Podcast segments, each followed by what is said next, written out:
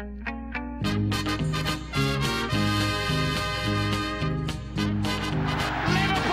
are champions of Europe again. Liverpool are prize winners again. Liverpool is in the record books.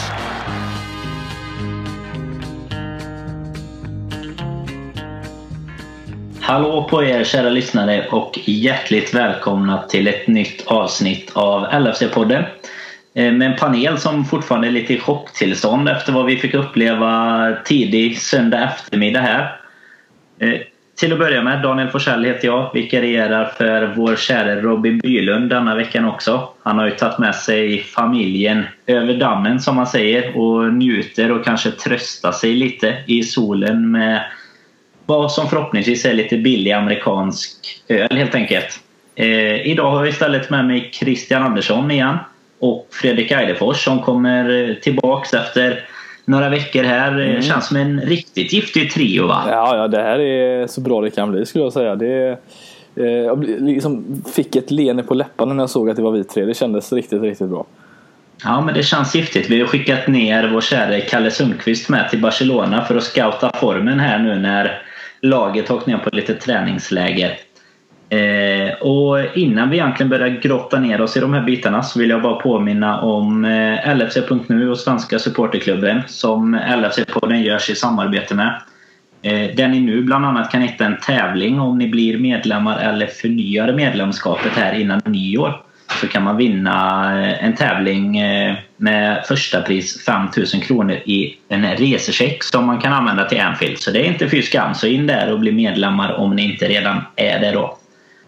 Eh, och till att börja med grabbar, kollaps i söndags. Det får man väl eh, minst sagt kalla det. Om vi börjar med dig Krille. Vad, vad var det egentligen som hände? Vad, hur kan vi falla så efter eh, den ledningen, ledningarna rättare sagt som vi har? Jag tror inte vi behöver gå in närmare på själva situationerna utan vi ledde både med 2-0 och 3-1. Vad, vad hände egentligen? Jag fick en känsla av att eh, historien återupprepar sig där i en sån match. Nu kanske inte den var lika... Det är klart den alltid är viktig men den kanske inte var lika viktig som den var 13-14 där mot Crystal Palace när vi åkte klar bortaledning och förlorade genom att totalt kollapsa. Så att, eh, det är väl fortfarande en fråga man egentligen ställer sig lite. Vad hände egentligen? Eh, eftersom att jag anser att de första 45 minuterna så eh, är vi liksom stabila över hela plan. Även Även om vi kanske inte riktigt skapar de här farliga chanserna eh, så gör vi ändå målen sen och i resterande 45 minuter och andra halvlek så känns det som att vi har tappat egentligen allt det som vi påbörjade i den första halvleken. Så att, eh, ja, vad gick fel egentligen? Jag, jag undrar fortfarande det lite faktiskt. Jag vet. Ja, får du det?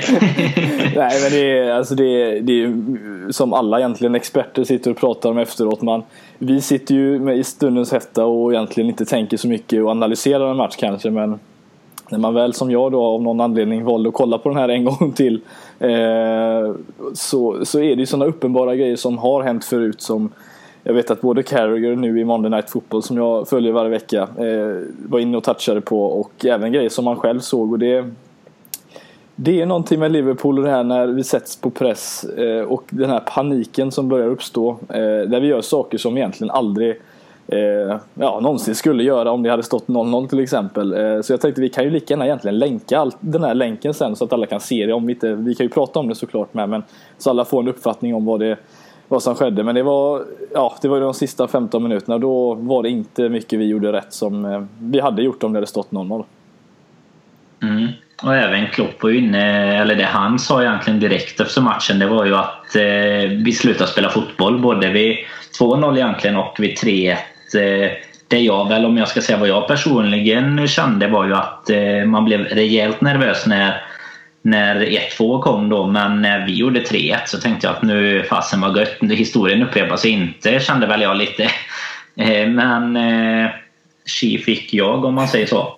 Ja men det, det, visst är det lite underligt ändå. Alltså jag, vi har ju pratat om det och det har ju hänt flera gånger tidigare där med att vi, vi är inte bra på att döda en match genom att Ja, vi kan ju döda en match genom att göra ett mål medan många andra lag väljer att döda en match genom att hålla i bollen eller täppa till alla ytor som finns. Och det var egentligen det eh, som var det stora problemet i slutet eh, av eh, matchen. Och till och med gästen där, Sean Dyke, eh, som Burnleys tränare som Eh, ja. Han kunde vi lärt oss av lite förresten. Ja, jo, men lite så. För att det han påpekade var just det här att han kunde inte på, med fullaste allvar förstå hur ett lag med Liverpools kvaliteter inte kan döda en match när det är 15 minuter kvar.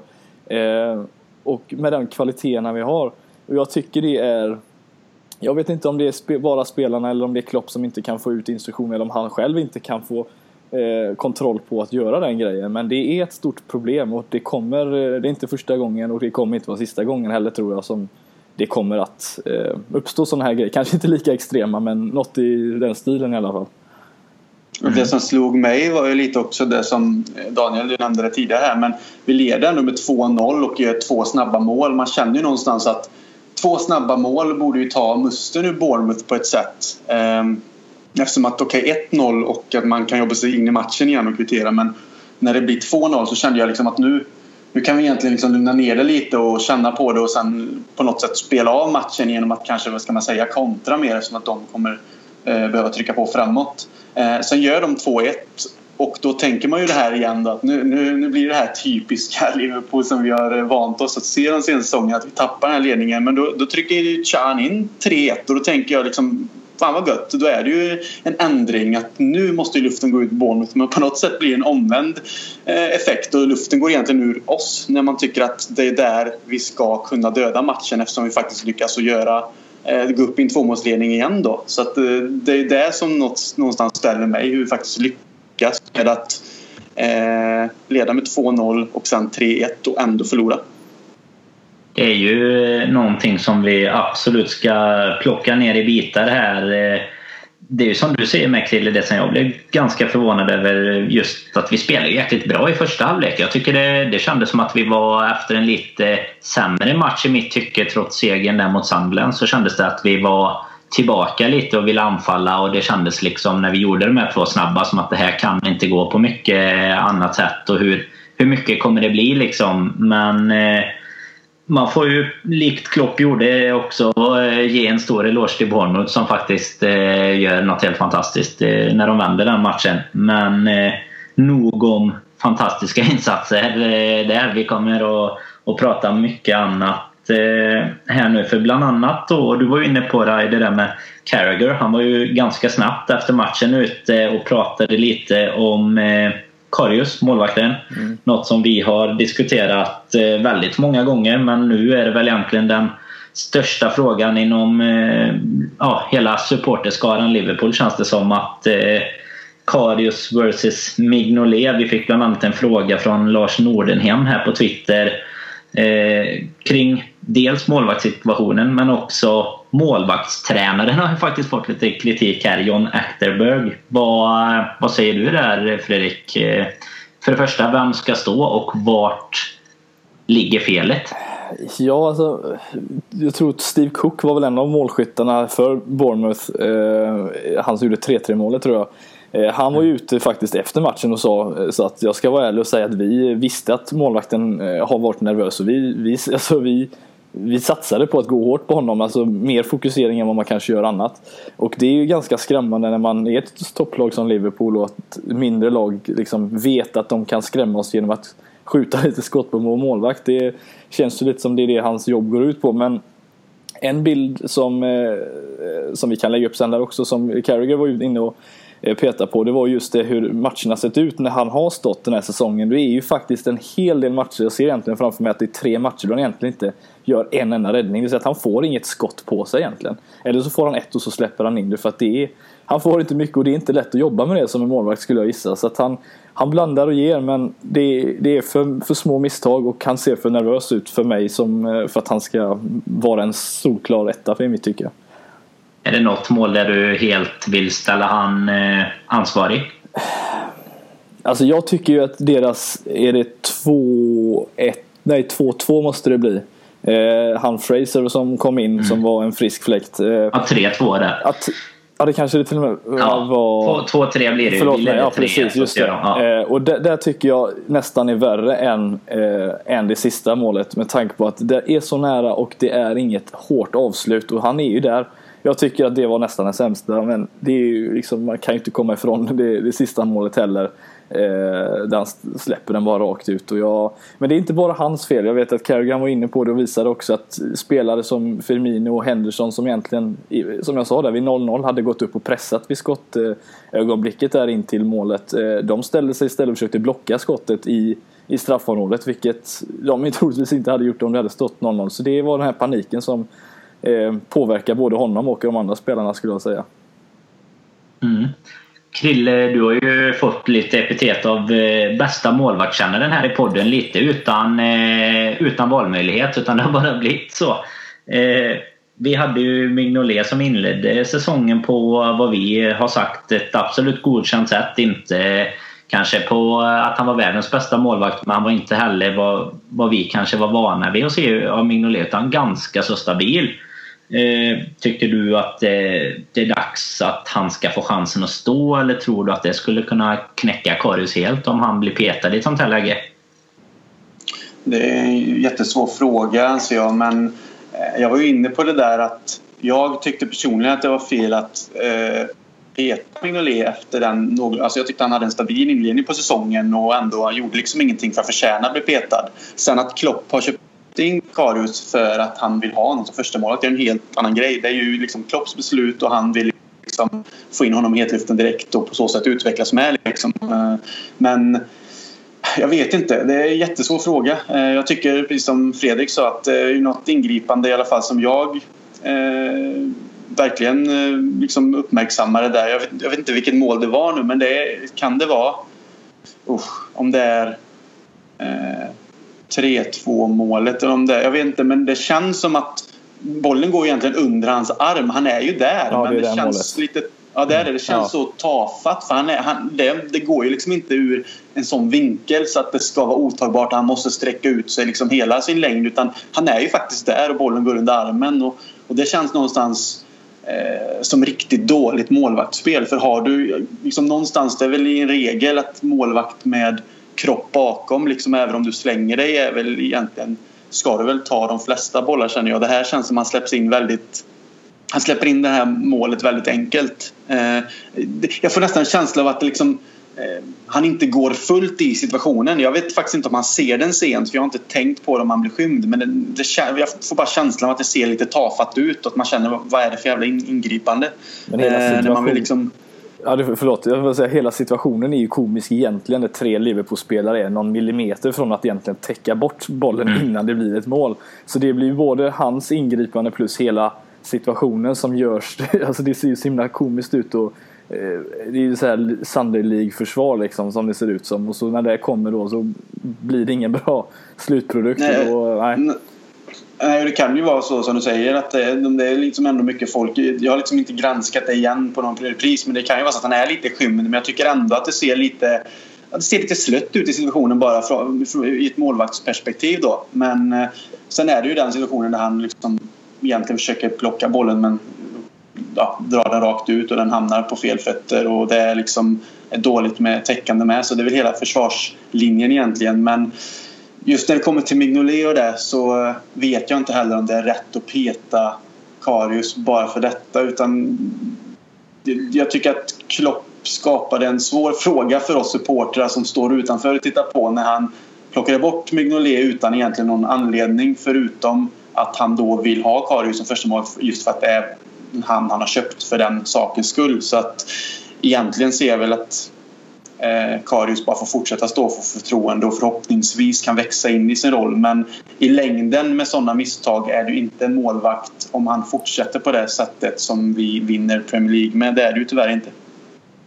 Nej, precis. Där, efter matchen gick ju Klopp ut och, och försvarade Karius eh, ganska så fort. Men eh, lite som om ni satt kvar och kikade, jag tror det var efter eh, kvällsmatchen där United och Everton. Eh, Bosse Pettersson sa ju det via studion där att kan man dra så mycket växlar av en sån presskonferens att han går ut och, och försvarar honom där eller är det bara något det bara måste göras kanske? Alltså han kan, jag skulle aldrig se att Klopp skulle hänga ut en spelare på det sättet heller. Eh, men jag, jag, tror ju inte att Mignolet hade gjort det sämre på något sätt än hur det har varit nu.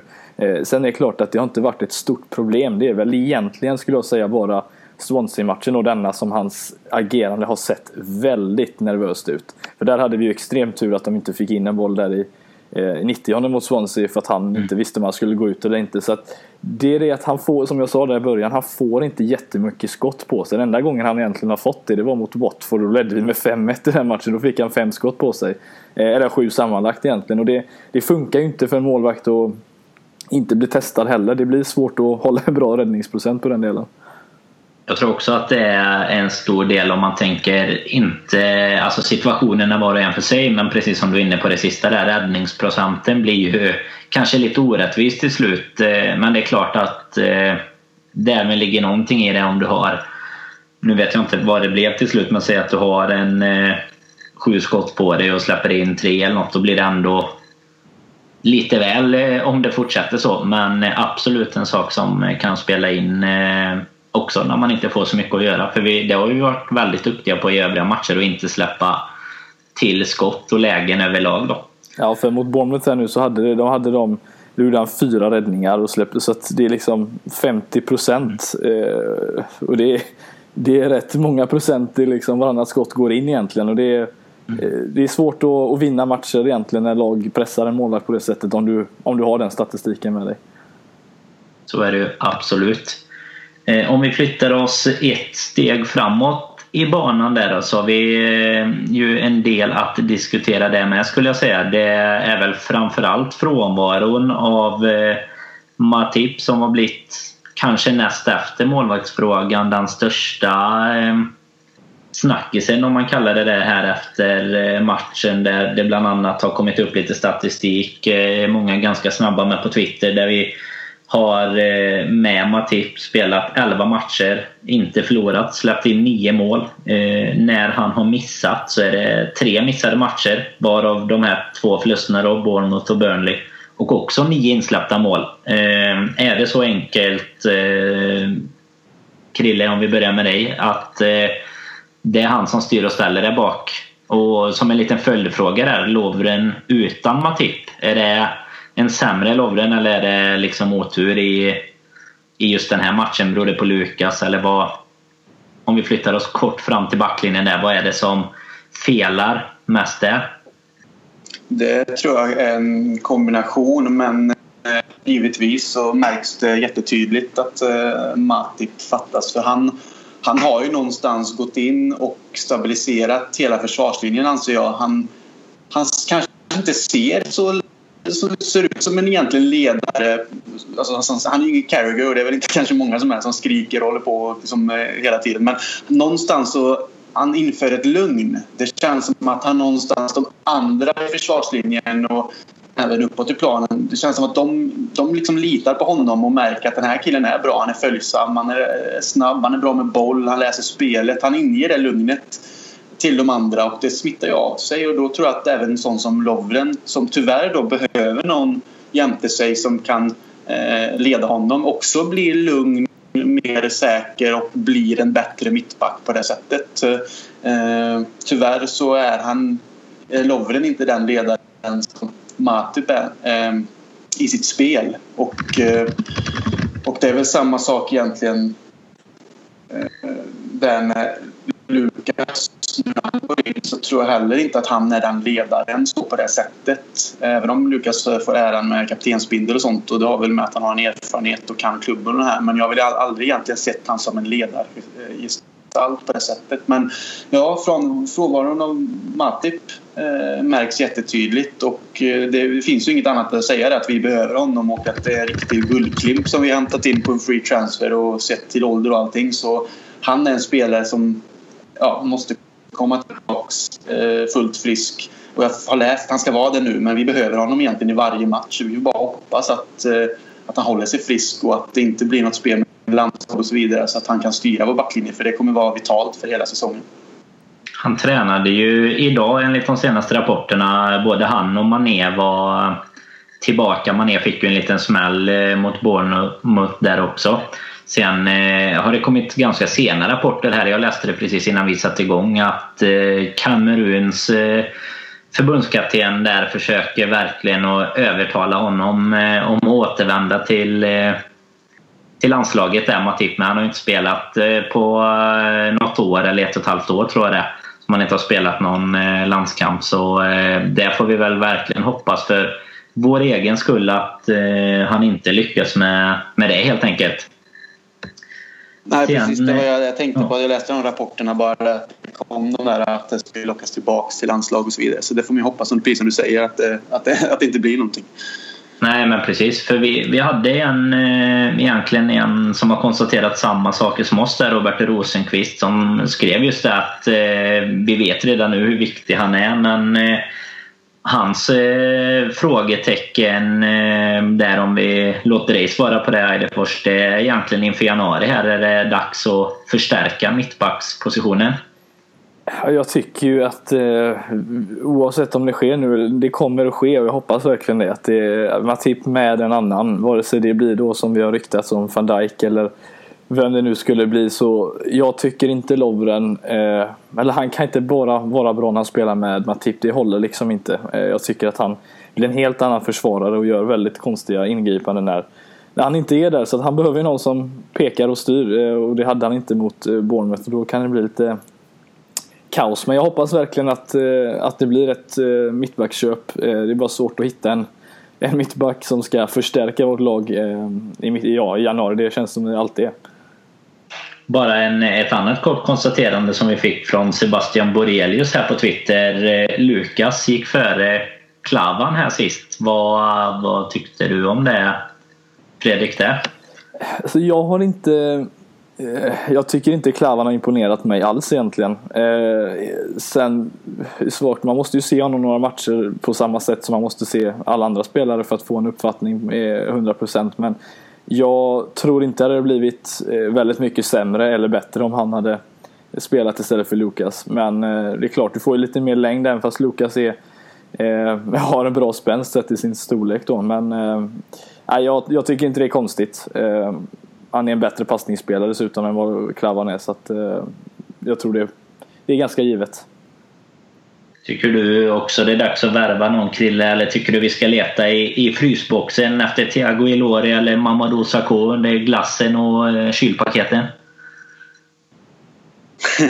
uh, nej, egentligen så vore det väl egentligen uh, ja, det vore, vore rätt läge att kanske försöka hitta en mittback. Eh, för kommer det en skada, även om det skulle vara på Lovren till exempel, så uh, som ändå som sagt är en bra mittback när han har rätt person jämte sig. Eller Matip som skulle vara värre så, så skulle vi nog behöva eh, någon som är mer konkurrenskraftig än vad de andra alternativen är för tillfället. Och, eh, ja, men jag vet inte riktigt vad man ska eh, rikta blickarna åt. Men det riktas ju om eh, att vi ska hämta från Southampton igen.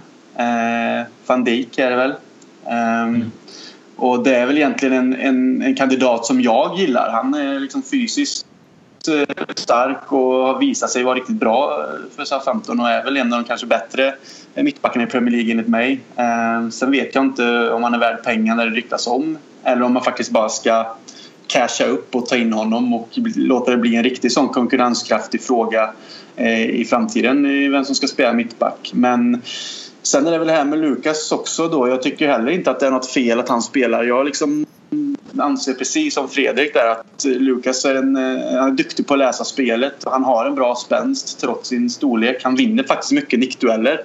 Och jag tyckte att eh, under första halvleken mot Bournemouth så tyckte jag att han steg upp jättebra, läste spelet och bröt bollar när de väl försökte spela upp på anfallare som var eh, felvänd så att säga, skulle ta emot boll. Då gick liksom eh, Lukas upp i rygg och drog inte på sig några dumma frisparkar och, och gjorde det bra, precis som hela laget. Så att jag tycker det är väldigt konstigt att Lukas får mycket skit som jag tycker är oförtjänat. Liksom. För jag tycker egentligen inte han gjorde någonting fel i den här matchen. Eh, utan eh, kollapsen sen i andra halvlek tycker jag är liksom en kollektiv. Så att man kan liksom inte... I största delen kollektiv. Sen har vi ju det här som vi pratade om, eh, Karius och de här eh, ingripanden. Men just Lukas tycker jag liksom inte ska hållas ansvarig för något. Så att, eh, jag blir lite irriterad när man hör massa skit om Lukas. Jag förstår inte riktigt var, var allt det kommer ifrån och varför det alltid har gjort.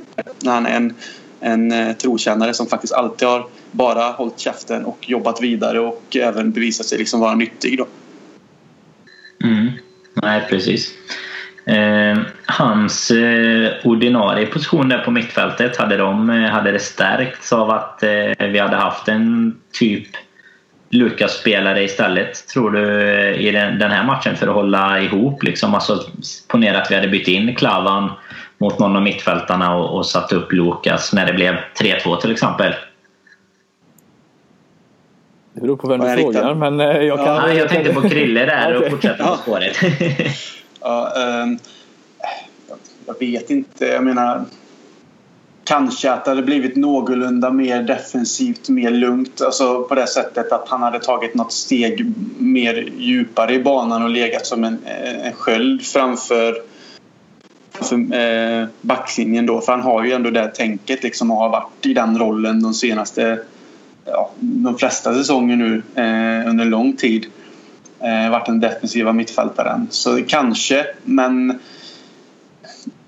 det är det som är så konstigt för mittfältet fungerade ju väldigt bra som sagt under första halvlek. Precis som jag sa innan, som hela laget. Och jag tyckte liksom särskilt Wijnaldum var ju man of the match enligt mig. För han vann ju jättemycket dueller där han inte drog på sig frispark. Han vann boll liksom genom fair play och schyssta tacklingar och vände upp. Och han var liksom överallt. Och jag tycker att Chan gör både mål och spelar fram till Mané. Och Henderson liksom jobbar på som vanligt och är också med i uppbyggnaden av anfall. Så jag, jag vet inte riktigt vad som hände där. Varför det helt plötsligt luckrar upp sig. Men det kanske Fredrik har bättre koll på.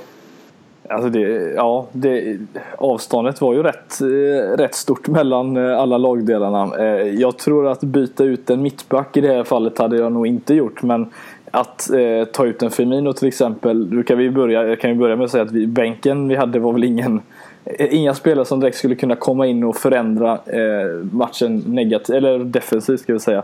På det sättet som jag hade velat. Eh, men Firmino tyckte jag ju hade en av sina, om inte sin sämsta match. Så han hade ju Eh, man kanske bytte ut mot någon eh, mer defensiv spelare men jag kommer inte ens ihåg vilka som var på bänken som det är någon som hade kunnat komma in och eh, göra skillnad. Men det var Nej, man får nog kolla de här klippen som Carragher var inne och pekade på för att få en uppfattning om hur Bournemouth kom igenom så himla enkelt på bara 15 minuter. Så att, men ytterbackar var ett av problemen även där. Mm. Om vi eh, går hela vägen fram då. Vi har ju Divock Origi som har fått eh, spela lite nu eh, i, ja, efter Coutinhos skada helt enkelt. Han eh, gjorde mål för tredje matchen i rad. Fick bland annat idag utmärkelsen månadens mål med målet mot Sunderland sist. Så mål gör han ju absolut, men vad, hur tycker ni det fungerar med resten av laget, pressspelet? Är vi, håller det samma kvalitet eller blir vi lidande där fram? Liksom, är, det, är det en av anledningarna till att vi inte lyckas hålla ihop det till exempel om man tänker just pressspelet då? Eller vad tror du där Fredrik? Ja, det var absolut en, en bidragande faktor. Det var, I andra halvlek så var ju pressspelet inte alls bra. Eh, och det är lätt för oavsett lag egentligen Eh, om ett lag, att möta ett lag som pressar, alltid som pressar högt men som inte gör det bra, då är det rätt lätt att rinna igenom precis så som de gjorde. Eh, men det var en bidragande faktor. Jag tycker inte att han länkar upp på samma sätt som man har sett Firmino göra. Eh, tycker jag visserligen inte heller Sturridge ut om jag ska vara helt ärlig på samma sätt heller. Men eh, det var absolut en bidragande faktor. Det, pressen som vi började längst fram den fick vi inte igång på andra halvlek och då blev det som det blev. Vad säger du där Krille? Kan man peta en anfallare som producerar mål efter mål? Det är det som är grejen lite för han, han gör ju liksom ändå mål och gör mål nu har tredje matchen i rad och jag tycker mm. ändå att han, han, är en, han är en duktig fotbollsspelare. Han visar ju ändå, tycker jag, att han har utvecklats under Klopp. Både fysiskt och snabbheten och faktiskt då målproduktionen. Att han, eh, det menar det målet han gör är ju oerhört svårt att göra. Det är liksom inte bara att slå in den i mål utan han måste verkligen få rätt fart och, och hitta vinkeln. Annars så kommer ju försvararen att bryta eller så missar han mål helt enkelt från den eh, positionen han är. Så det är ju jätteskickligt att sätta den därifrån. Men eh, som Fredrik nämner så är det väl ändå det att han inte till 100% länkar på samma sätt, sätt där uppe tillsammans med de andra i offensiven som, eh, som vi har gjort när vi spelat med Coutinho, eh, Firmino och Mané. Det, det är lite mer fart och byta positioner Eh, medan han kanske möter mer boll, håller i boll lite längre eh, det går inte lika snabbt och det gör ju att försvaret, eh, motståndarsförsvaret hinner samla sig och inta sina positioner också. De behöver liksom inte försvara åt fel håll då som det ofta blir när det kanske blir ett samspel med Coutinho och Firmino och det går lite snabbare. Jag tycker ju till exempel att en sån som Coutinho, inte bara med hans kreativitet saknas i en sån här match utan jag tycker att han har anammat eh, Klopps spelstil med. Jag tycker att han springer och kämpar och pressar mer än vad han någonsin har visat innan i sin spelstil. Han har inte riktigt... Han har väl varit med kanske en... Eh, en det kanske är fult att säga finlirare för han har ändå alltid jobbat men jag tycker att han har höjt sig på det planet eh, väldigt mycket sedan Klopp tog över. Han, han, springer, han känns ju även som en grovjobbare fast han är den här tekniska liksom, eh, tian som vi, som vi alla älskar. Eh, så det syns också. Men eh, för att återgå just till Origi så tycker jag att det som sagt är svårt att peta honom när han gör mål. För den här matchen sett till hur den egentligen utvecklades så ska vi ju inte tappa det här och han är ändå bidragen orsak med ett mål att vi har en 3-1-ledning och där och då tycker jag att vi ska lyckas stänga matchen så någonstans är det kanske en taktisk miss från Klopp också att vi inte istället för att ligga på och försöka pressa ännu mer så kanske man ska ta ett steg tillbaka och, och ligga på kontring istället och inte behöva pressa så högt och kanske som sagt ta in en annan mittfältare som ligger lite mer defensivt om det nu skulle vara Lukas eller på något annat sätt men att man ändrar taktiken lite och på något sätt bevaka ledningen istället. Eh, särskilt när man har släppt in det där 2-1 målet och man får lite andrum med 3-1. Eh, men eh, jag vet inte, jag, jag ser nog gärna att han, han spelar i nästa match också för någon som gör mål och är i form eh, har ju självförtroendet och då kommer oftast fler mål också. Mm. Den eh, kommer vi gå in på lite längre fram här med och se lite hur ni känner att eh, vi ska ställa upp om det är något som behöver bytas ut till kommande match mot West Ham. Men eh, om vi tar dig lite Fredrik, där, vad om du ska sätta den här förlusten i, i perspektiv. Det är ju givetvis jättetungt med en förlust på, på det här sättet men 30 poäng på de 14 inledande omgångarna här i, om man tittar på hösten överlag. Vad, vad finns det om man ser det i det stora hela, inte just på matchen? Är det någonting vi behöver oroa oss för eller tycker du att det ser fortfarande bra ut? Liksom, intentionerna finns där eller känner du att det här med till exempel Coutinhos skada har det förändrat spelet så mycket att vi, vi har anledning att vara oroliga här när det täta matchandet i december här börjar? Ja, alltså jag tycker ju eh, att det blir en helt annan eh, grej när man spelar flera matcher i rad eh, utan sina, eh, sina bästa spelare. Eh, och har Coutinho då som, eh, du kanske klarar en, två matcher och kan eh, ta med dig några poäng då. Men under en längre period är det svårt. Eh, för då ska du hitta ett nytt spel med den spelaren som kommer in. I och med att det är ingen är, som är som Coutinho på den delen heller. Ehm, och då kan ju sådana här förluster uppstå när eh, ja, när du inte har ett, även fast vi har ett kollektiv som, som har funkat bra hittills. Jag tycker ju visserligen att detta är den eh, särklass sämsta matchen. Eh, alltså det är egentligen sättet man förlorar som är det som irriterar mig.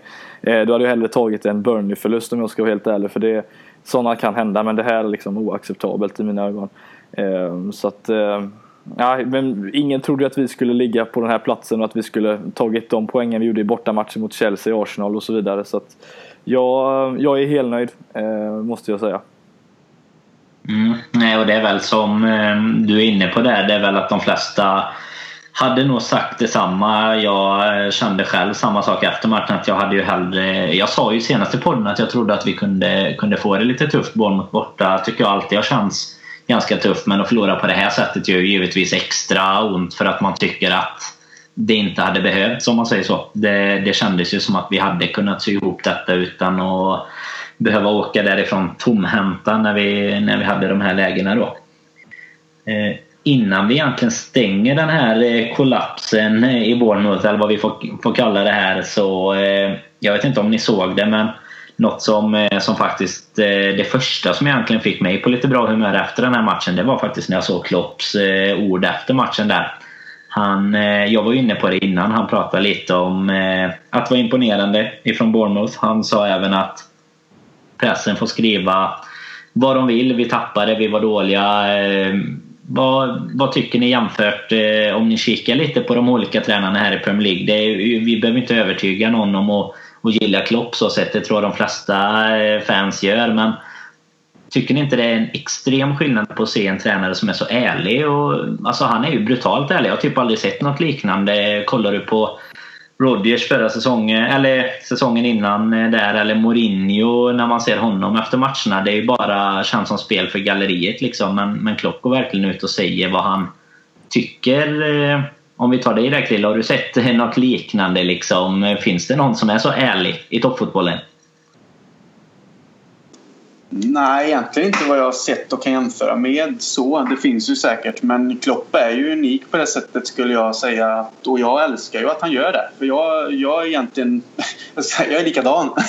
Alltså han stod ju och skrattade efter matchen liksom. Eh, vissa hade ju slått sönder det där jäkla pressrummet liksom. Men han, han satt ju och skrattade och tyckte att eh, ja, shit happens kändes det lite som. Och eh, trots all frustration man kanske sitter med efter en sån match så känner man ju ändå någonstans att det är rätt gött att han kan eh, ta nästa match liksom, eller vad man ska säga.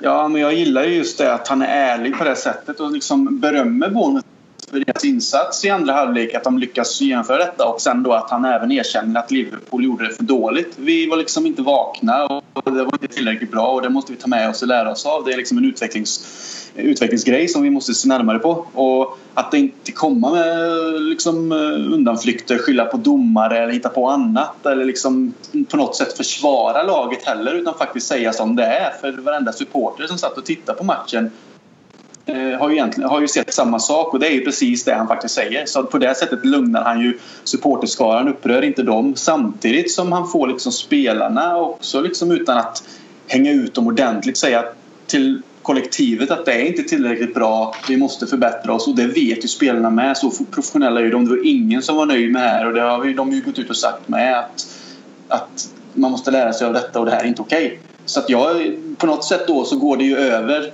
lättare för i alla fall för egen del.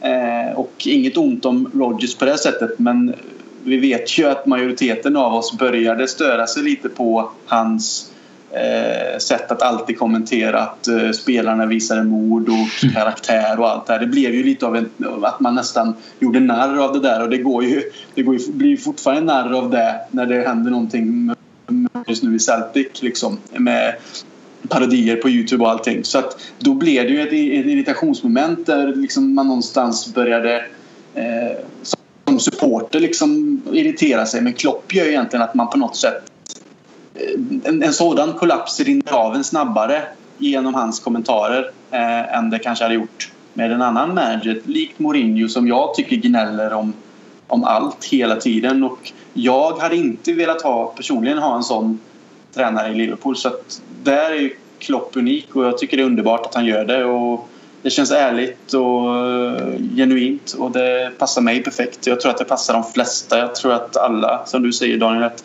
finns väl ingen egentligen som klagar på Klopp eh, på det sättet. Jag har inte hört någon eller sett någon skriva någonting om att Klopps uttalande är helt åt helvete utan jag liksom tycker bara att alla verkar ta sig till sig och liksom nicka och tycka detsamma. Mm. Nej, jag blev just imponerad av det för jag jämförde dem just eh, där med, jämförde honom med Mourinho. De åkte på en lite liknande käftsmäll kan man väl säga i 1-1 matchen mot Everton där och då eh, såg man ju att två ganska olika managers som kom in på sina respektive presskonferenser efter matchen. Eh, men på tal lite om vi hänger kvar vid det här med kritik och så vidare. Du sa ju Eidefors du var eh, helnöjd. Det tror jag de flesta egentligen är med poängskörden så här långt. Vi har faktiskt fått eh, från två personer egentligen, både Henrik Almarsson och Christian Lindelöf frågade oss, eller ville att vi skulle ta upp det här lite eh, ja, hur folk utifrån tittar på oss Liverpool-fans. Är vi, är vi lite extra gnälliga? Det var nog den uppfattningen de hade, att vi blir jäkligt gnälliga så fort vi förlorar. Och varför tror du där Eidefors att det urartar på ett sånt sätt? Eh, jag kan ju någonstans instämma att kikar man på Twitter så är det ju en eh, ganska rejäl eh, rage efter en sån här match. Vad, tror du vi är unika där eller ligger det något annat bakom att det blir så efter en, en sån här match? Alltså efter en sån här match så tycker jag att man har full rätt att vara så negativ och så fundersam man kan vara egentligen. Men generellt så, så är det nog så att vi vi har alltid haft stämpeln att eh, vi är laget som alltid siktar på nästa säsong trots att den andra inte ens har börjat än. Eh, och det är klart Klopp vill ju få oss eh, att komma förbi där och jag tror han kommer göra det dessutom. Men det, jag tror väl att en del har att göra med det att vi ser oss som konkurrenter och att vi faktiskt har kommit någonstans och kan egentligen vara negativa efter en eh, vi vill vinna. Eh, och jag tror det har väldigt mycket att göra att vi har fått en annan vinnarmentalitet även fast det var annat som sagt i söndags. Men eh, eh jag tror inte vi är värre än någon annan. Det är bara att gå in på Arsenal Fan TV så tror jag vi redan har hittat en vinnare där om jag ska vara helt ärlig. det är så alltså? Ja. Eh, jag tror ju du eh, ska man inte vara taskig mot dig Krille, men du får ju räknas lite som eh, åldersmannen här i gänget. Eh, tror du, är det liksom de här liveflödena, gubben lite ja. De här liveflödena som finns, alltså då ju, kollar du Twitter till exempel under en match så kan du ju först vilja sälja Karius och sen gör han en räddning och då är han världens bästa målvakt. Eh, tror du att det spelar in i den upplevda negativiteten om man säger så? Att folk har liksom ett ett flöde som hinner ändras åtta gånger under 90 minuter. Liksom. Det är en sån grej som kan göra att det känns extra gnälligt nu om man jämför med vad det kanske bara gjorde för några år sedan om man ser det så. Först och främst vill jag försvara min ålder. Att vara 30 och bli kallad för gubbe är ju tragiskt i sig. Är det inte då man säger att man fyller gubbe då? 30 ja, plus. Det, ja, det, det, är ju tragiskt i så fall. Men ja, visst, jag, tar an, jag tar mig an rollen som pappa. Du är den vise kan vi väl säga. Ja, precis. Nej, men för att återgå till eh, din fråga Daniel. så eh, Just när det kommer till Liverpool-supportrar överlag eh, tycker väl jag att vi är varken bättre eller sämre än andra supporterskaror. I alla fall till kanske de här lagen som är mest populära i i, just när vi pratar kanske i Sverige då. Mm. Jag läser inte så mycket Twitter och forum under match. För jag tycker jag förlorar för mycket av matchen, den själva upplevelsen som är då. Jag kan sitta med sådant senare. Men läser jag i alla fall senare både Twitter och andra forum där det diskuteras Liverpool så tycker jag överlag att det är mycket eh, man vänder kappan efter vinden, tyvärr det är liksom mycket upp och ner, precis som du säger. Att ena stunden så är allt åt helvete och nästa stund så görs ett mål och då är allting frid och fröjd. Och jag vet inte, det är liksom... Jag kan säkert personligen själv vara så också. Men jag har lite svårt för det. Jag kan till exempel vara inne och läsa på andra lags forum med bara för att hitta lite diskussionstrådar och sånt. Och det fungerar rätt så mycket så att det klagas och ska säljas och sparkas när det har varit en riktigt dålig match och sen direkt eh, nästa match och det går bra då är liksom då ska alla hyllas och det ska skrivas långtidskontrakt och det ska hit och dit liksom så att jag vet inte om det är en, en supportergrej utanför de brittiska öarna eh, som är generellt. Eh, jag kan inte känna igen det lika mycket även om jag vet att det fungerar likadant på forum och sånt i, i England. Jag läser vissa av dem också.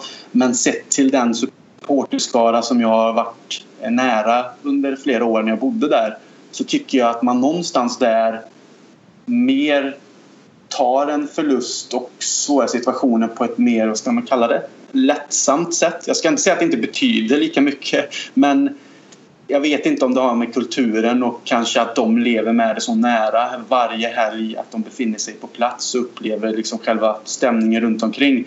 Det kan vara något sånt där men jag tycker att överlag att vi, vi gnäller jävligt mycket, inte bara Liverpool-supportrar utan kanske vi i Sverige överlag som eh, håller på lag i England. Ehm, och det är tråkigt men jag förstår också att efter en sån här match att det är befogat att eh, ge utlopp för sin ilska för att det är ju ett ett sätt vi förlorar, precis som, som Fredrik säger, det, det sättet vi förlorar på som gör att folk blir upprörda. Hade Bournemouth kanske ägt matchen och tagit ledningen med 1-2-0 och vi hade förlorat liksom på det sättet så finns det inte så mycket att säga än att liksom räcka upp handen och, och, och erkänna att vi var inte tillräckligt bra. Men här skapar vi faktiskt oss förutsättningar att plocka hem tre poäng relativt enkelt men eh, faller ihop som ett korthus och då då förstår jag att det kommer fram en ilska och givetvis ska man få ha sin åsikt men den ska också vara på enligt mig ett analyserande sätt och inte bara eh, nämnas i att någon kanske är åt helvete ska säljas hit och dit. Eh, men det är min åsikt.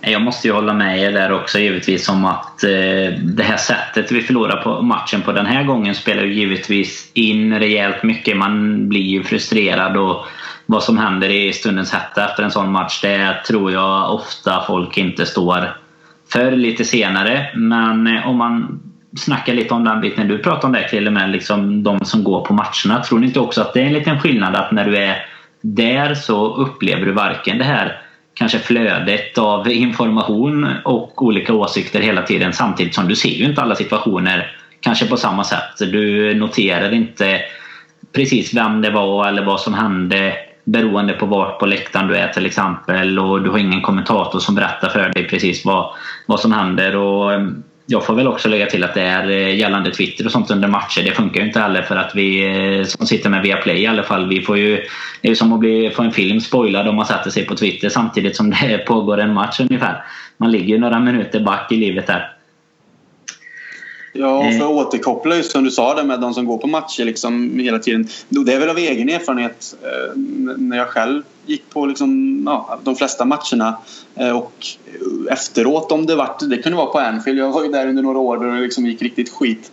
Men eh, efter en eh, match på Anfield med en förlust och man var riktigt bitter och man kom tillbaka till puben och det började samlas i samma grupper av människor som var där innan match och liksom var eh, jättepepp så är det ju en viss känsla. och Det är klart att alla är besvikna och förbannade men det känns som att det kommer ut på ett helt annat sätt. För oftast är det så att man diskuterar det och folk kan ju säga att den här spelaren var värdelös och, och fungerar inte alls idag. Den känslan får jag mer än att man kanske säger att spelaren ska dra åt helvete och säljas. Om du förstår vad jag menar. Mm. Eh, det är mm. den skillnaden som jag känner av i alla fall. Det här som händer på forum och som du säger att känslorna tar över och att man sätter ut sina känslor på ett på sociala medier och kanske inte riktigt kan, vill stå för det senare utan det kommer av bara farten. Men Eh, på matchen har du inte kanske möjlighet till det på samma sätt även om du fortfarande kan upp mobilen vilket jag tycker är helt idiotiskt på livematch. Men eh, när de gångerna jag som sagt kommer tillbaka till puben efteråt så känns det som att folk mer diskuterar det. Även om de är liksom arga, bittra så känns det på en helt annan nivå och den, det är den känslan som jag vill ta med mig själv så det är därför jag håller mig borta för det mesta som sagt från från de här forumen när det är matcher får man liksom försöka att rannsaka sig själv lite efter och försöka sätta ord på det man vill säga om man nu säger någonting överhuvudtaget. Mm. Nej, det är väl ett avsnitt eh, för sig hela det här med att stå med mobilen på livematch. Det, det kan man eh, prata mycket om. Men eh, just det du säger där med, jag tror väl att det kanske ligger någonting i det att går du till puben efteråt, sitter med lite polare så ehm, tar du ut din ilska där istället för att göra det på ja, egentligen det du kanske gör på Twitter eller ett forum direkt efter match när du kanske inte när du sitter hemma och kanske inte har någon att snacka med på samma sätt egentligen. Då. Nu eh, ska vi även snacka upp West Ham lite här. Det är ju kommande match. Sista matchen i omgång 15 eh, kommer det vara. Sen match på söndag eftermiddag. Tänkte bara att vi kort skulle landa lite i lite uppgifter som kommit här i början på veckan. Det, är ju, det var ett tag sedan sist faktiskt som det kom ut någonting från dem. Men det är ju Football Leaks som har släppt lite ja, vi kan väl kalla det lite roliga fakta här. Eh, eller roliga eller tragiska beroende på hur man ser det. Eh, fakta från eh, om man säger bakgrunden bara. De läcker egentligen uppgifter om olika spelares kontrakt, klausuler, övergångar och liknande kan det vara. Bland annat nämndes det att Suarez gick till Barcelona för 65 miljoner och inga 75 som det har sagts tidigare. Men de kanske två största grejerna ur Liverpool-ögon sett som är intressant då det är eh, till att börja med den lite mindre av dem. Den kan du få börja kommentera här Krille. Eh, Firmino får gå eh, till alla klubbar i världen för 98 miljoner euro förutom till Arsenal. Hur kommer det sig? Är det ett, eh, en hämnd efter det budet som eh, kom på Suarez tror du? Om det nu är sant så är Om det stämmer, ja. Ska vi väl lägga till. Ja, om det är sant så är det väl en av de skönaste klausuler som någonsin har satts in i ett kontrakt. Att liksom så här, vi har en klausul, erbjuder någon klubb den här summan för dig så har du möjlighet och, eller du, du får prata med dem och diskutera. Förutom Arsenal, de avskriver helt och hållet, de kan inte ens buda. Och det har väl någonstans, det grundar väl sig någonstans i deras eh, riktigt löjliga eh, försök på Suarez med de här en pund över det som sades mm. vara hans utköpsklausul.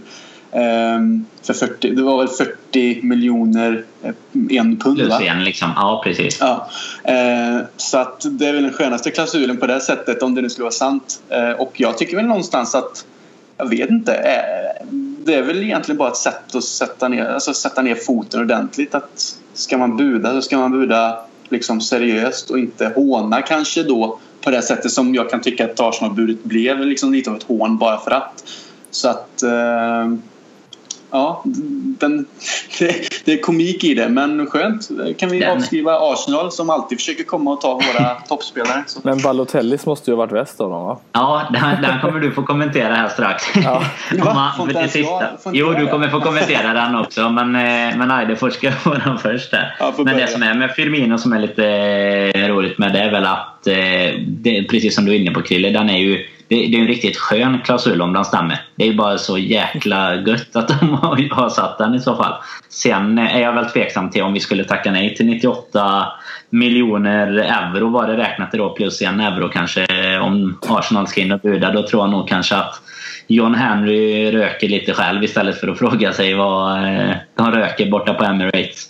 Men du nämnde ju den där Eidefors. Eh, Balotellis eh, klausul. Jag vet inte om du hade något liknande när du spelade fotboll här innan. eh, Ja, jag hade hoppats eh, kan jag säga. Det, då, hade, då, hade jag, då hade vi legat på... Då hade vi varit med bilen i Florida och poddat därifrån kan jag säga. Eh, Så hade det varit va? Ja, du var en schysst spelare då.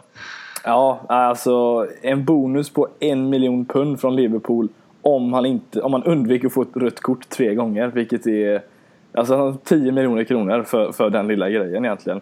Och jag Eh, tror till och med att eh, det röda kortet skulle i så fall vara för, eh, man får väl kalla det dåligt beteende. Ja. Inte om han får liksom två gula kort till exempel. Nej, utan liksom Utan- våldsamt motstånd, spotta på motståndaren eller annan person eller använda kränkande och förolämpande språk och så vidare. Då. Ja, Eh, precis. Då, ska han få, då får han 10 miljoner kronor, det lyckades han få. Sen var det ju även det med mål, att han skulle få 500 000 kronor per mål om han gjorde mer än fem i Premier League. Men han, eller Champions League, men det gjorde han ju inte. Så det, han fick nöj, nöja sig med situationstecken nu då för en miljon, eller 10 miljoner kronor istället. Det roligaste här eh, i den här biten är väl att eh, detta var ju inte heller någon engångs... Nu blev det ju det i och med att han inte är kvar. Men detta hade ju skett i all framtid om han hade fortsatt gå bra om man Ja. säger så. Eh, Så att det är rätt spännande. Vi får väl säga samma sak här om det stämmer. Men en väldigt spännande... Men är det inte lite patetiskt för ett storlag ändå att ha, alltså, vad, vad tycker vi om sådana här klausuler? Alltså jag kan ju förstå utköpsklausuler och så vidare, men sådana här grejer. Det känns ju Ja, som att... utköps- Ja, Jag tycker att utköpsklausuler är ju inget konstigt. Det är ju ganska normalt bara att här sätter vi nivå på vad vi tycker att eh, vi behöver ha en överenskommelse med dig om när du ska få diskutera med andra klubbar. Ja. Men de här bitarna är ju egentligen helt, det är ju helt horribelt att man ska få en bonus för det. Det är ju snarare så att jag kanske tycker att han ska få en extra hård böter om Ja. han blir utvisad för att spotta eller alltså det Ja. borde vara det som regleras, inte att du får någon jäkla bonus för att du inte är dum i huvudet. Alltså det Nej, tycker jag är helt eh, sjukt ja nej det, det känns jag, jag har aldrig hört det förut så att eh, de har ju läckt flera, många grejer tidigare men en sån här grej, om det nu stämmer återigen som vi nämnde med Firmino så är det ju aldrig hört något liknande att, att en klubb ska liksom seriöst ha gett en spelare det här i, i kontraktet. Det känns ju helt bananas men eh, det, det är dåtid. Det är väl så. Vad, eh, Krille, har du haft något liknande? Inga sådana Nej. klausuler? Nej, nej, jag hade hoppats att man kunde få en sån här klausul där man kunde få liksom gratis bärs efter varje match i så fall. Men eh, nej, inte ens det. Nej, inte men, på jobbet. Du får inte, du får inte en bonus om du inte slår ner chefen en gång i veckan eller någonting. Nej, det hade ju kunnat... Han håller ju på Liverpool med så att jag får vara snäll. Ja, Det Eh, får ni tänka till kommande avtalsförhandlingar längre fram helt enkelt. Ja, nej, det är väl eh, karri- den korta karriären i Australien där det var eh, barbecue och öl efter matcherna som någonstans, någonstans kan kallas den lilla lön som jag tjänade på den fotbollen då. Så det var alltid trevligt. Man spelade match, man eh, grillade med det andra laget och så drack man några öl och blev lite rajtan tajtan och så var det klart. Så det var, Sen blev det storbråk. Nej, nej, det var jättebra. Nej. Men i alla fall, för att återgå till de här klausulerna så tycker jag ju det... Alltså jag vet inte, man, man vet inte om man ska skratta eller gråta liksom när man läser det här. Särskilt först och främst att han då tio, cirka 10 miljoner kronor för eh, gott uppförande. Så jag ska säga det är, någon, det är någonting jag ska säga till min chef. Jag kommer uppföra mig superbt under ett år här nu och eh, liksom, eh, ja, kommer representera företaget så jäkla bra så då vill jag ha 10 miljoner sen. Eh, om ingen klagar liksom. Men eh, sen det här att han får pengar då för, om han skulle gjort mer än fem mål i Premier League att det skulle nästan vara ehm, eh, vad var det? Vad sa vi? 500 000 per mål. Ja, precis. Ja. Det får ju mig någonstans att se att, liksom att det där kan ju störa en rytm i, en, i ett anfall och en, och en klubb. För det kan ju bli att han tar avslut i lägen där det är helt obefogat att kanske skjuta, vilket han ofta gjorde och har gjort under sin karriär också.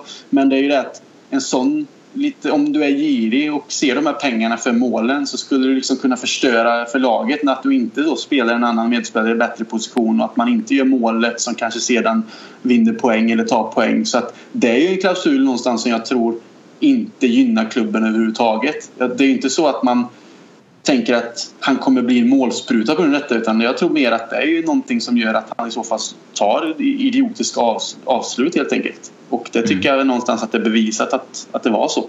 Även om vi inte vet om det är sant att han gjorde det för pengar eller om han bara är den sorts spelaren. Så, men någonstans om någon annan anfallare skulle ha en sådan klausul så undrar man, hade jag haft det så hade jag ju fan försökt göra mål på varenda, varenda chans jag fick. Förutom om det är ett klart läge så bara tänker jag, jag chansar, går in så pang, cashing 500 spänn, eller 500 000 spänn på kontot liksom. Så jag tycker det är helt, helt konstigt att en klubb som Liverpool i så fall överhuvudtaget ska behöva lägga in sådana här klausuler. Precis som vi har sagt, det låter helt befängt faktiskt. Man hade ju kanske framförallt inte passat någon annan spelare i ett friläge. Men sen har väl de här spelarna ganska bra lön ändå så sett så de kanske inte behöver eh, vara oroliga helt enkelt. Eh, får väl hoppas att han fick med sig den till Nice bara. Han har gjort ja, sex mål ja, Men tänk frustrationen då om du har den här klausulen och du inte får en pass av en medspelare när du själv står i ett givet läge att göra mål. Då måste du också bli förbannad antar jag. För det är ju given, ja, givna pengar in på kontot där också då. Nej, det är idiotiskt. dem. ja, det, där har vi i alla fall gått igenom dem lite. Det, då vet vi vad vi tycker om eh, de här klausulerna. Vi, eh, det finns väl mycket som vi inte vet helt enkelt. Eh, men om vi går över på West Ham då. Det gäller ju att studsa tillbaka här nu för laget och lite på tal om kollapser så är väl West Ham ett lag som absolut kan kallas kollaps hela klubben egentligen. Slutar ju på plats ovanför Liverpool sist faktiskt. Kom sjua förra säsongen när vi slutade på åttonde plats. Nu eh, ligger de på sjuttonde plats. En pinne ovanför nedflyttningsstrecket. Eh, ny arena har de. var ju tanken att de kanske skulle ta nästa steg här egentligen. Och efter förra matchen, de förlorade ju med 5-1 mot Arsenal. Så gick eh, Slaven Bilic, tränaren där ute och sa att, eh, jag vet inte om ni, om ni kikade på det, men då sa han att eh, de inte har rätt rytm eller effektivitet på matcherna. Och det har ju alla sett. Men inte heller på träningarna. Att eh, spelarna inte går in 100%. Eh, på tal om ärliga tränare. Eidefors är det lite för ärligt att gå ut och eh, liksom kritisera hela laget på en presskonferens efter en förlust. Så. Egentligen säga att alla, vi tränar inte ens bra liksom. Nej, det, man vet ju, Bilic är ju också han lite speciell. Eh, alltså jag, jag, vet faktiskt inte om jag ska vara helt ärlig. Det, det är klart att som spelare hade det nog inte varit roligt att höra att tränaren inte tycker du varken du presterar på planen eller på träningsplanen. Så att, eh, eh men det, nej, de, de har ju heller inte, som sagt, de har ju verkligen inte presterat den här säsongen och det är märkligt hur ett lag kan eh, gå ner sig så ordentligt på en säsong utan att egentligen, de har väl inte ens tappat någon spelare från det stommen de hade förra säsongen. Så att det, det var bara någon skada på Andy Carroll och så vidare men annars så, ja, nej det är konstigt. Ja, det känns ju lite som att han nästan ber om att inte få träna laget längre tycker jag. När man säger att man klarar inte ens av att motivera gubbarna på eh, träningsplan. Liksom. Eh, de har eh, egentligen nu då de senaste sex matcherna de tagit två poäng. Då räknar jag även in, de förlorar ju i kuppen här eh, mot United. Eh, Åkte ur när vi tog oss vidare mot Leeds där samtidigt. Vad, eh, om vi kikar lite på kommande match och betydelse här. Eh, Krille, vad tror du? Hur viktigt är det att vi kommer med en riktigt bra insats här på söndag och verkligen studsar tillbaka? Det är oerhört viktigt. Eh, som tidigare, som jag säger i varje podd nu känns som så har sagt alla matcher är viktiga när du, om du ska vara med i racet och särskilt nu när vi kanske då spelar mot de här eh, så kallade sämre lagen även om Bournemouth ska ha all heder för deras insats som sagt. Eh, så är det ju ännu viktigare nu att vi tar vara på att vi spelar hemma på Anfield eh, och att vi eh, att vi möter West Ham som inte är i form och som har de här problemen då enligt, enligt deras tränare. Då är det ju ännu viktigare att vi utnyttjar det och att vi studsar tillbaks och verkligen jag säger inte att vi behöver göra sex mål som till exempel mot Watford men att vi kan komma in och kanske vinna med liksom två, tre bollar i alla fall och visa och förhoppningsvis hålla nollan med och visa att vi liksom Bournemouth var en, en match som vi tog lärdom, lärdom av och nu ska vi plocka tre viktiga poäng för att liksom återgå till den banan vi har börjat på. Så den, den här matchen blir ju, om än inte viktigare än vad den var innan, så, liksom, så blir den liksom, jag vet inte, den kommer ju någonstans få bli lite av en också en värdemätare nu hur man studsar tillbaka från en sån här kollaps. För hade vi förlorat som sagt genom att Bournemouth var det bättre laget sett över 90 minuter och då får man liksom ta det. Att de gjorde det så pass bra. Men nu, nu hjälper vi faktiskt dem väldigt mycket med att vinna också eftersom vi, vi blir så pass dåliga. Utan att jag vill ta bort någonting från deras från Bournemouths kämpainsats så är det ju liksom också Liverpool som får någonstans skylla sig själva.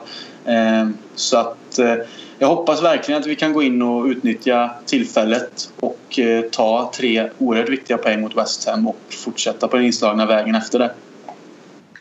Förra säsongen så eh, åkte vi faktiskt på förluster både hemma och borta mot West Ham. Det var 2-0 borta eh, nere i London och det var faktiskt 3-0 hemma på Anfield tidigt eh, i augusti där. Vi hade faktiskt Kalle, Jocke och Robin eh, var där och kika. Eh, ingen av dem förhoppningsvis nu då som är över på på söndag här. Eh, och det är inte konstigt att det gick åt Nej, det känns väl lite så.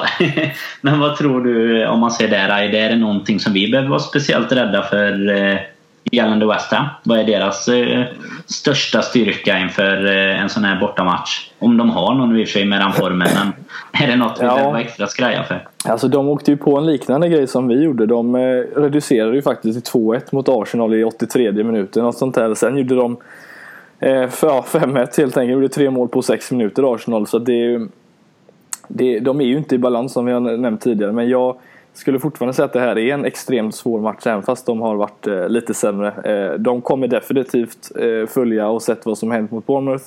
Och kommer troligtvis också gå hårt åt både i luftduellerna skulle jag säga eh, via frisparkar och hörnor som de är väldigt starka på. Eh, och sen är det ju då att de har ju Payet, Lanzini och spelare som är... Ja, de kan ju blixtra till när som. Eh, och vi måste verkligen vara på tårna för att eh, få med oss tre poäng i den matchen. Mm. Nej, det eh, är ju onekligen som du var inne på Krille där också. Det blir ju eh, oerhört viktigt eh, om man kopplar tillbaka till Rodgers där för att visa lagets karaktär lite med hur vi tar oss an en sån här match efter det som hände nu sist, eller senaste söndagen då. Vad ehm, säger ni här och Krille om du får börja. Vilka ändringar, eh, eller är det några ändringar som vi behöver göra? Matip är väl kanske naturlig. Är det någonting annat som vi behöver förändra på i, inför söndagens match? Eh, nej, det är väl det att, eh, som det sägs att Matip är spelklar så går ju han som du säger naturligt in i startelvan och sen tycker jag inte att vi egentligen då ska ändra på någonting. Jag tycker att vi ska spela med samma lag. Jag tycker att Origi ska fortsätta just för att han gör mål. Eh, som sagt, eh, mot Bournemouth var det liksom kollektivet i det stora som, som föll. Så jag tycker att laget med Matip ska få chansen att bevisa att det liksom var en engångsgrej och att de kan ändå. Eh, sen har jag inte hört några rapporter om Mané. Han gick ju också ut med lite skavanker men som jag förstår det så ska det inte vara någon fara. Eh, så att... Han ska ha varit tillbaka i träning idag i alla fall så det bör han ju vara redo för. Ja, men det är bra. Men då tycker jag liksom att vi ska sätta in samma, eh, samma lag som vi hade. För jag tycker att mittfältet, i alla fall i första halvlek, var riktigt bra. Eh, där Wijnaldum var den som utmärkte sig mest. Sen vet jag ju att Lalana har kommit tillbaka och fick ju lite tid också nu mot Bournemouth. Men jag tycker ändå att att hemma mot West Ham i den situationen som det är nu så tycker jag att samma lag ska få gå ut och bevisa att, som sagt, att, eh, att de kan ändå. också ska Lallana finnas där för att kunna eh, komma in eh, om det behövs och eh, den här gången gärna tidigare i så fall. Men det är dumt att riskera om det fortfarande finns lite... Även om han är på bänken så tycker jag att eh, han kan få lite mer vilotid och sen komma in i så fall eh, och få lite mer eh, matchtempo i benen. Vad säger du där Fredrik? Är det någonting du hade velat eh, ändra från Bournemouth-matchen? Ja, det är en Matip eh, garanterat. Sen är, tycker jag vi ska köra med eh, samma lag. Eh, däremot så blir det återigen som jag nämnt tidigare är intressant att se vad det blir med målvaktsdelen. Om det blir att vi blir ett byte eller om vi fortfarande kommer se Karius eh, som har haft svårt i luftdueller och eh, tror definitivt att, som jag sa, att West Ham kommer eh, försöka hota där eh, ordentligt. Så att, eh, det ser jag fram emot också. Och se vad resultatet blir snarare. Inte snarare att se att de går hårt mot målvakten. Mm. Om det är någon som ska spela på det så skulle jag nog våga säkra att Karius kommer, eh, kommer spela. Det kan jag breaka här i podden för alla som gillar betting att eh, han kommer att, starta. Det tror jag. jag tror inte att Klopp väljer att byta ut honom.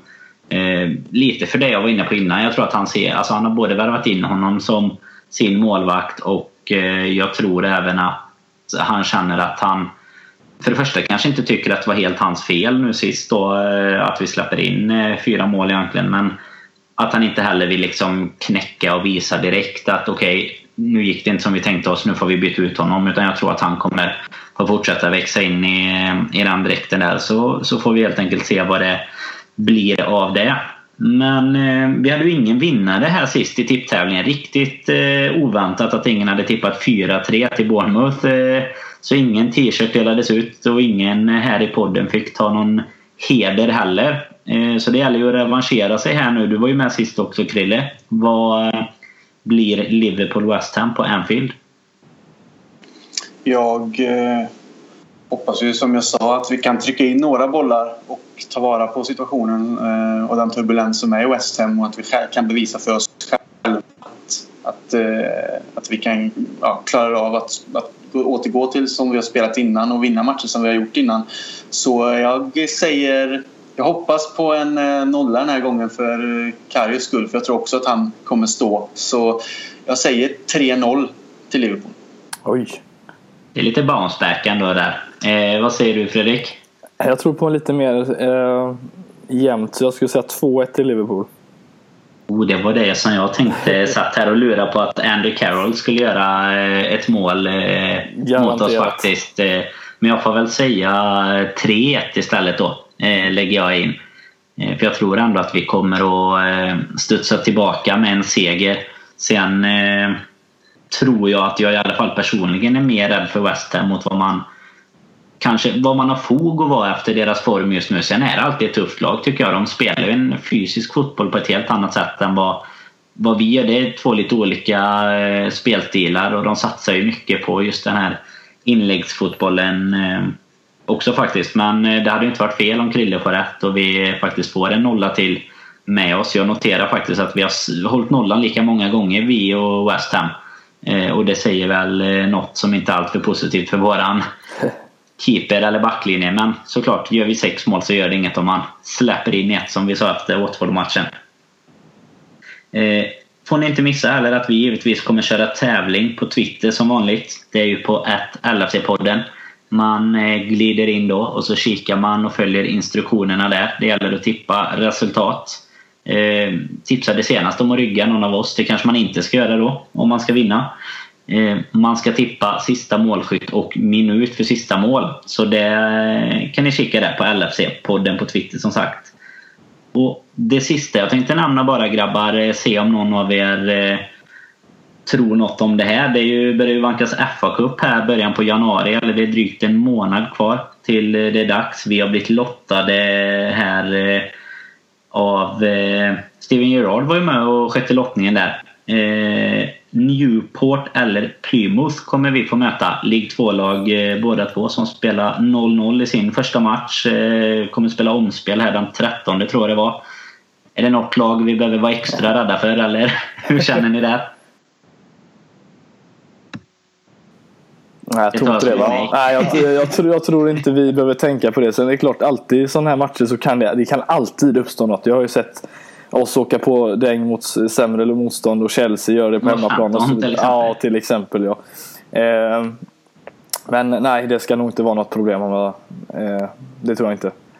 Jag vet att du var inne lite på det Krille innan vi startade på den här. Eh, kan vara ganska skönt att få en på pappret extremt lätt match får man väl säga att det är på pappret i alla fall. Det är aldrig enkelt. Det är ju givetvis vilket lag den blir så är det ju kanske den största matchen som de spelarna kommer spela men eh, det är väl ganska skönt ändå att man vet att det kommer ett motstånd från fjärde divisionen som det ju faktiskt är.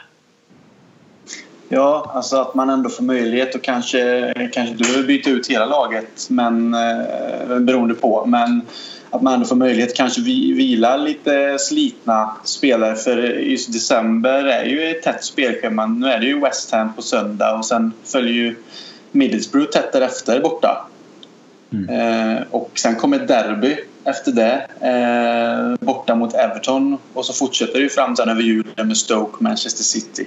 Och det känns väl skönt om vi kan liksom få efter det få en match emellan även om den kanske inte behövts eftersom det är FA-cupen och den kommer in där men att, det, att vi slipper få ett lag där vi kanske måste ställa ut eh, en startelva för att slå kanske till exempel ett Premier League-lag då. Så då kanske vi kan vila lite spelare, spela lite ungdomar och så kan vi lufta lite eh, för att återta kraft i början av 2017 mot våren sen då.